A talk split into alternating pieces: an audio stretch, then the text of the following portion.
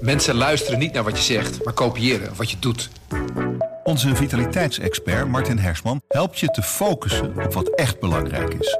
Beluister en bekijk Martin of een van onze andere experts op businesswise.nl. Businesswise, het nieuwe platform voor iedereen met ambitie. Een sloep met daarin een baby in Maxicosi. Twee mannen en twee vrouwen kapseisden vorige week zaterdag in de Voorstersluis in Krachenburg. Het gebeurde in een ogenblik. Er zijn vaker incidenten bij deze sluis en toezicht is er niet. Moet er niet een sluiswachter aanwezig zijn bij sluizen met een verval van soms wel 6 meter? Je luistert naar Moet je horen, waarin we bijzondere verhalen van de Stentor aan je voorlezen.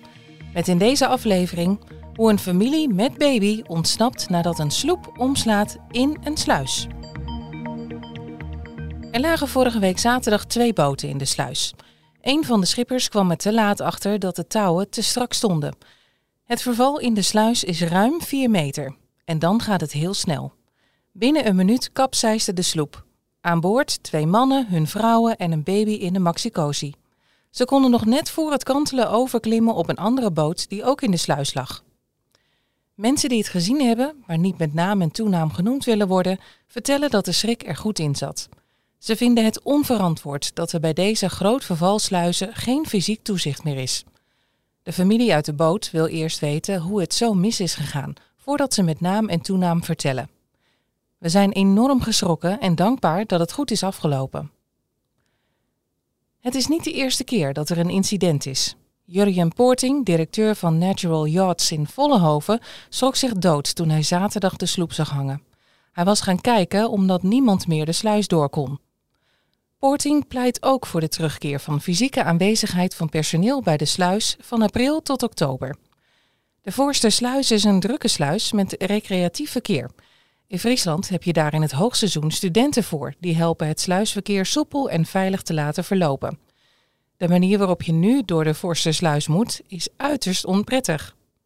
Daar ontstaan levensbedreigende situaties, blijkt. We willen hier toeristische ontwikkeling en vriendelijkheid. Daar past dit niet bij. Een eerder voorval, een paar maanden terug, was ook bij deze sluis, vertelt Poorting. Toen kwam een boot van 9 meter te hangen. De man zat er alleen op en was bezig met het vastmaken van de lijn en liep naar de achterkant van de boot. Maar toen ging de sluis al open. De lijn trok strak en binnen no time hing hij. Er is enorme schade aan die boot. De paniek en verwarring groot. Als je iemand ter plekke had gehad, had diegene gezien dat deze man nog niet klaar was. Want dan zie je wat er gebeurt. Volgens Sporting hangt het er maar van af wie er achter de knoppen zit op het provinciehuis. Sommigen spreken via de luidsprekers mensen toe, anderen zeggen niks. Ik vraag me dan af of ze alles wel zien. De provincie Flevoland is eigenaar van de sluis. Woordvoerder Sarah de Keizer bevestigt het incident van afgelopen zaterdag. Wat ze erover kan zeggen is dat er een sloep is omgeslagen in de sluis en dat die sloep door een bergingsbedrijf is geborgen. Er is nu nog een onderzoek gaande, wat gaat tussen de verhuurder en de huurder van de sloep. Het is best even spannend hoor, roept Karin Steenhuis uit Vollehoven, terwijl ze de touwen van haar boot rond de touwen aan de wand van de sluis bij Krachenburg slaat. Ze loodst voor het eerst in haar eentje, zonder haar man, de boot door de sluis. Er is niemand die haar helpt, geen sluiswachter. Die zit in het provinciehuis in Lelystad en bedient daar sinds 2014 op afstand deze, maar ook de 16 andere sluizen in Flevoland. Maar, zegt ze, ik ben ermee opgegroeid, dus ik weet dat je de boot in de sluis nooit moet vastleggen. Ik heb ook altijd een stressmes aan boord, zodat je de lijn eventueel kunt doorsnijden. Vroeger zat er een sluismeester, die de hele dag in de gaten hield wie er geschud werd.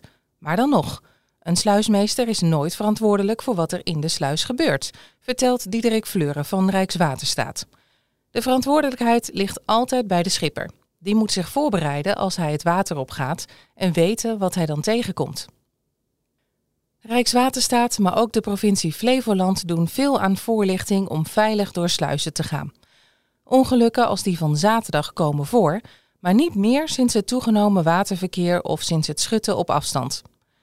In de provincie Flevoland zijn er jaarlijks 25.000 schuttingen en van dit jaar officieel twee incidenten bekend. Het incident maakt wel dat we er nog meer alert op gaan zijn, zegt Sarah de Keizer. Rijkswaterstaat zet tegenwoordig in de drukke maanden stewards in bij sluizen. Die begeleiden mensen en houden het in de gaten, pakken de lijnen aan. Dat gaat de provincie Flevoland vooralsnog niet doen met hun 17 sluizen. We weten nou eenmaal niet wie er het water op gaan, stelt Fleuren. Het is net als autorijden. Iedereen weet dat je op tijd moet remmen, maar een ongeluk is zo gebeurd. Het proces van zo'n sluis is ook niet zomaar te stoppen. Dat water gaat stromen, omhoog of omlaag. En als je ziet dat het misgaat, de lijn strak staat, is het al te laat. Dat is precies de reden dat sluismeester Paul Rimmelswaan van de Spiegelsluis in Zeewolde samen met de gemeente Zeewolde, eigenaar van de sluis, dit jaar voor het eerst sluislessen is gaan geven.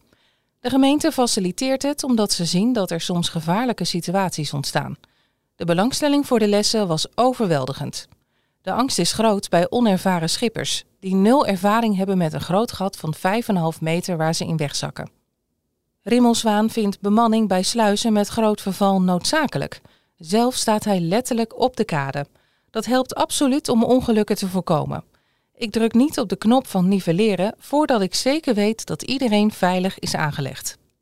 Zo'n 90% van de recreatievaart die hij voorbij ziet komen is niet vaarbewijsplichtig.